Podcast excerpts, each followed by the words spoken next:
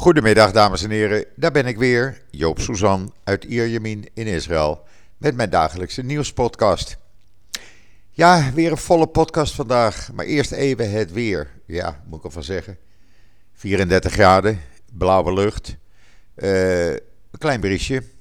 En dan moeten we het dan maar weer meedoen. En het blijft gewoon zo. Het zal een gaatje warmer of een gaatje koeler zijn, maar veel verschil de komende tijd zit er niet in. Uh, ja, en dan het nieuws. Ja, dat wordt toch uh, beheerst eigenlijk door het feit dat uh, dat Delta-virus, ja, dat gaat voorlopig even hard tekeer, laat ik het maar zo zeggen. gisteren is aangekondigd dat de verwachte opening van de grenzen voor buitenlandse toeristen die gevaccineerd zijn per 1 juli niet doorgaat. Dat is nu uitgesteld tot 1 augustus. Dat is een tegenslag weer voor de toeristenindustrie, die eigenlijk dit uh, jaar ook maar kan vergeten. Uh, men heeft uh, daarnaast op Ben Gurion Airport veel strengere maatregelen genomen voor iedereen die het land wil binnenkomen. Israëli's kunnen reizen. Er wordt geadviseerd elke dag weer op het nieuws, televisie, radio, kranten. Ga niet naar het buitenland. Want als je terugkomt, je weet niet welke uh, mutatie van het virus je met je meebrengt. Uh, er worden dus uh, ja, nu allerlei maatregelen getroffen. Er zijn meer politieagenten op het vliegveld. Er worden, ze kunnen nu duizend mensen per uur testen, zeggen ze. Voorlopig zou dat voldoende moeten zijn. Mensen die in quarantaine moeten, die, uh, daar hebben ze 250 politieagenten voor vrijgemaakt. Want het bleek dat maar 30% van de mensen die in quarantaine zitten of moesten, uh, werden, ge werden gecheckt. Dus men wil dat nu door middel van 250 agenten die daarvoor vrijgemaakt zijn door het hele land strenger controleren. Er zijn ook zware boetes. Want ouders bijvoorbeeld van kinderen beneden de 12 die in quarantaine moeten, en dat zijn er nu heel wat. Uh, ja, als die kinderen de quarantaineregels overtreden, krijgen die ouders een boete per kind van 5000 shekel, pak een beet, 1250 euro. En dat is veel geld. Uh, we hebben er uh, gisteren in 24 uur, of zeg maar tot vanmorgen in 24 uur, hebben er 110 138 eh, nieuwe besmettingen bijgekregen. Dat waren de dinsdag nog 110. Uh, eh, voornamelijk is dat allemaal de Delta-variant. Die is gewoon veel besmettelijker dan welke variant dan ook. Ik zeg het maar nogmaals, want eh, mensen op social media die blijven vragen.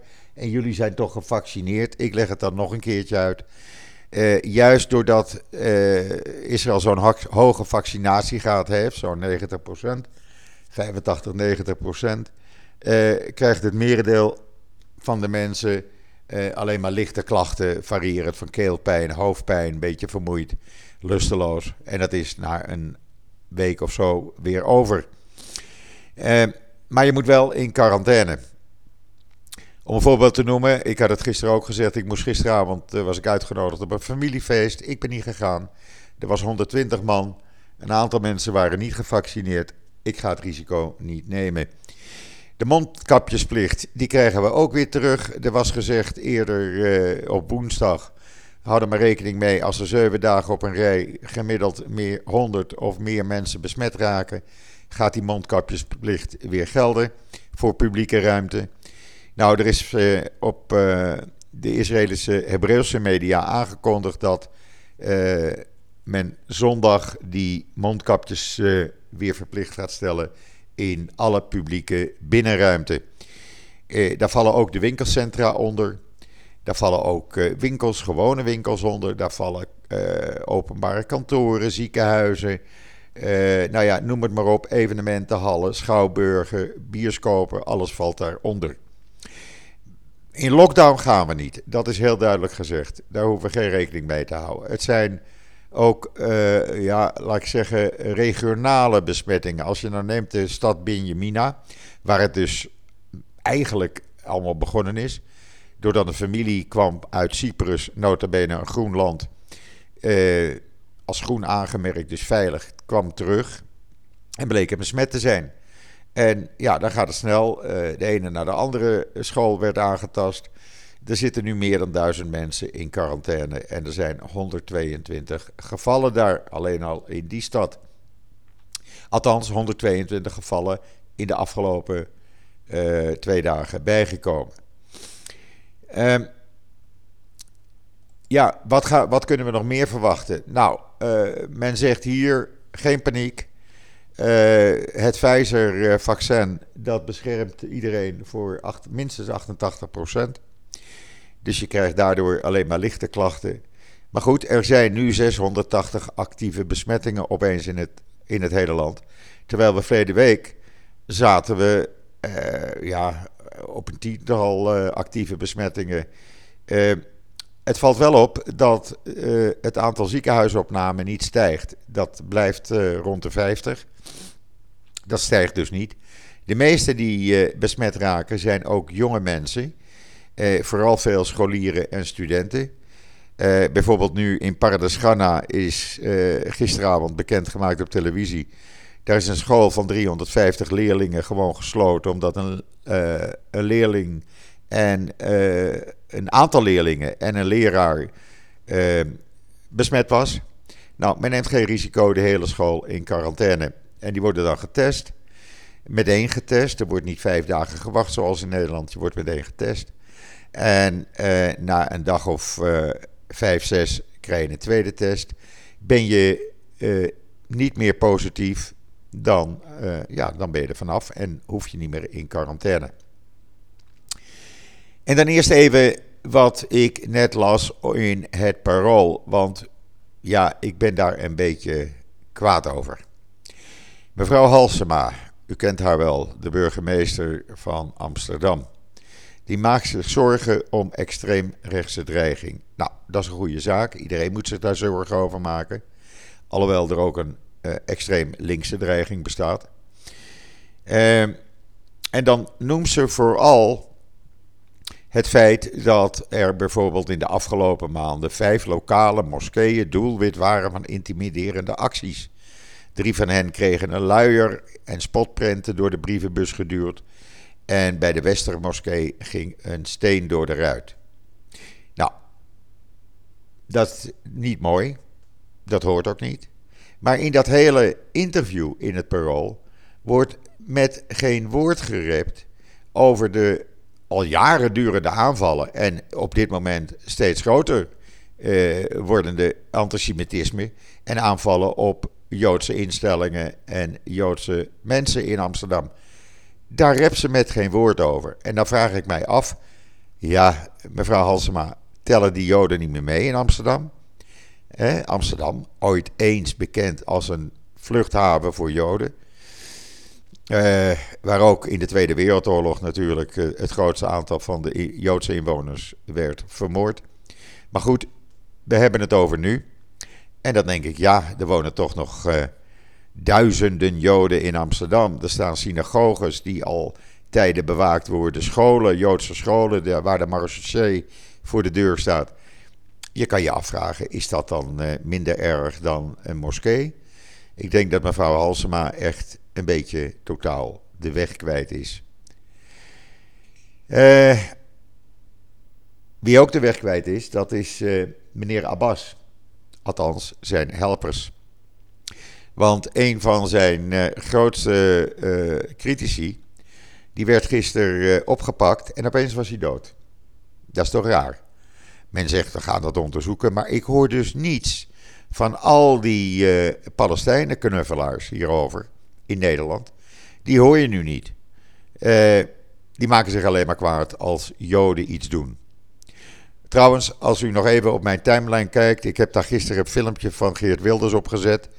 Die even frontaal de aanval uh, nam op mevrouw Kaag en haar beschuldigde van medeplichtigheid aan de moord op Rina Snerp. Vanwege het subsidie geven aan de Palestijnse UAWC-organisatie, waar mensen op de lo stonden, die inmiddels zijn opgepakt, die uh, betrokken waren bij de moord op de 17-jarige Rina Snerp. Hij noemde het uh, bij naam en ja, ik vond het eigenlijk wel goed. Ik ben het daar wel mee eens. Beestje bij de naam noemen en niet meer eromheen draaien. En dan is er uh, een aanval geweest met een, een of meer drones op een uh, fabriek, een productiecentra in Iran, wat centrifuges maakt voor de kerncentrales of reactoren van Iran. Het schijnt dat uh, ten tijde van Trump Israël de, coördinator, de coördinaten van deze fabriek had doorgegeven. Of dat nou de jongens en meisjes van de Mossad zijn geweest, of het is iemand uh, het Amerikaanse leger, of ja, niemand weet wie het heeft gedaan. In ieder geval, er is schade aangericht. Uh, u kunt het lezen op uh, israelnieuws.nl natuurlijk. En dan was er een mooie traditie gisteren.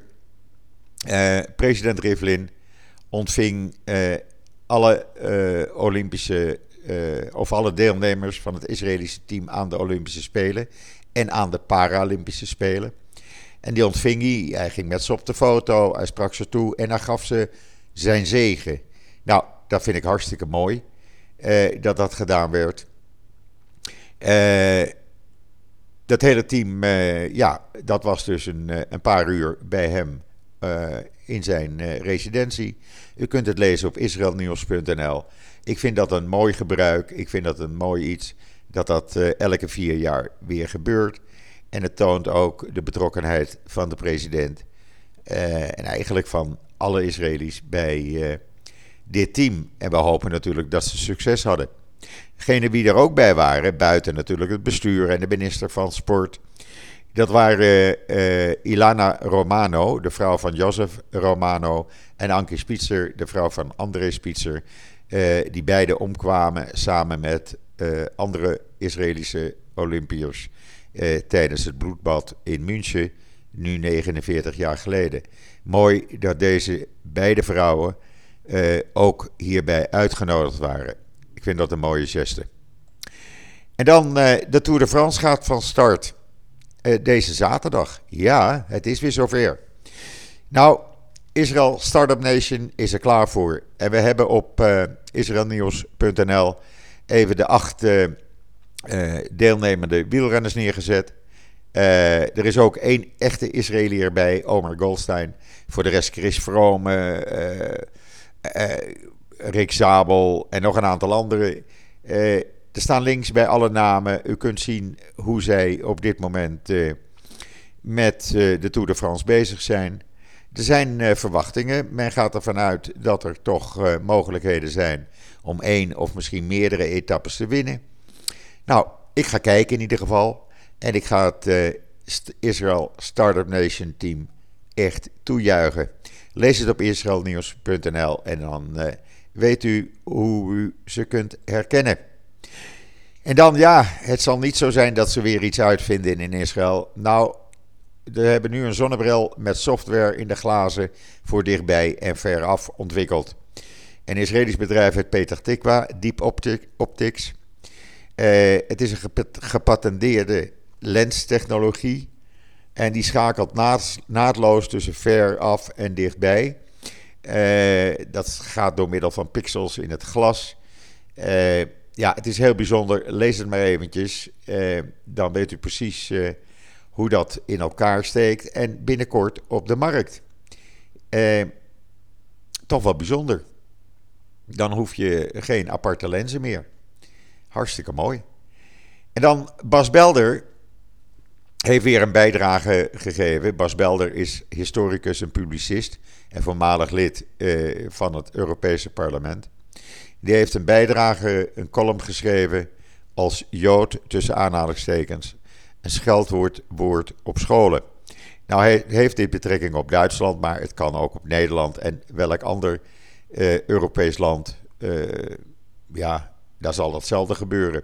Daar kan het ook betrekking op hebben. Ik vind het een uh, hele goede column. Heel duidelijk ook. En ja, het is eenmaal zo, het antisemitisme in Nederland en in andere Europese landen. Het blijft toenemen. En we komen daar voorlopig niet vanaf, helaas. En dan staat er ook natuurlijk op Israël Nieuws weer een uh, nieuw kosher recept. We hebben het deze week wat makkelijk gemaakt. Biefstuk met ui en champignons. Met een lekker glas wijn erbij. Nou, uh, ga het gewoon even proberen. Het zal uh, u best smaken. Het is heel makkelijk te bereiden. en ja, je moet er wel eventjes twee uur de tijd ervoor nemen. Of eigenlijk drie uurtjes. En dan is het klaar. En dan is het genieten geblazen. Ehm, en dan nog even over het virus. Nou, uh, er is geen paniek. Niemand is paniekerig. Er wordt ook niet paniekerig over gedaan. Het wordt niet, ja, zeg maar, beschouwd als wat we de vorige keren meegemaakt hebben. Lockdowns, we krijgen ze niet, is er gezegd. Wat men probeert is om dat Delta-virus in bedwang te houden, onder de duim te krijgen eh, zodat het zich niet meer gaat verspreiden. Nou, dat kan dus alleen maar door het herinvoeren van een aantal beperkingen. Nou, dan moet dan maar. Ik heb er geen moeite mee om een mondkapje weer te dragen. Ik doe het al een aantal dagen. Ik ga niet naar uh, grote bijeenkomsten toe. En uh, ja, uh, het virus, het is, er, het is er eenmaal. En dat is hetzelfde met het griepvirus. Het gaat nooit meer weg. Alleen je moet je uh, een beetje ernaar richten. En ik ben bang dat zo, lang, zo het in Nederland nu gaat. Want in Nederland gaat hetzelfde gebeuren met dat Delta-virus. Ja, dan mag je je echt wel zorgen maken. Nu alles vrij wordt gegeven en mensen gaan reizen naar het buitenland. Er geen controle is bij aankomst op Schiphol. Auto's die, die de grens overkomen amper worden gecontroleerd. Ja, dan denk ik, dat wordt een zootje.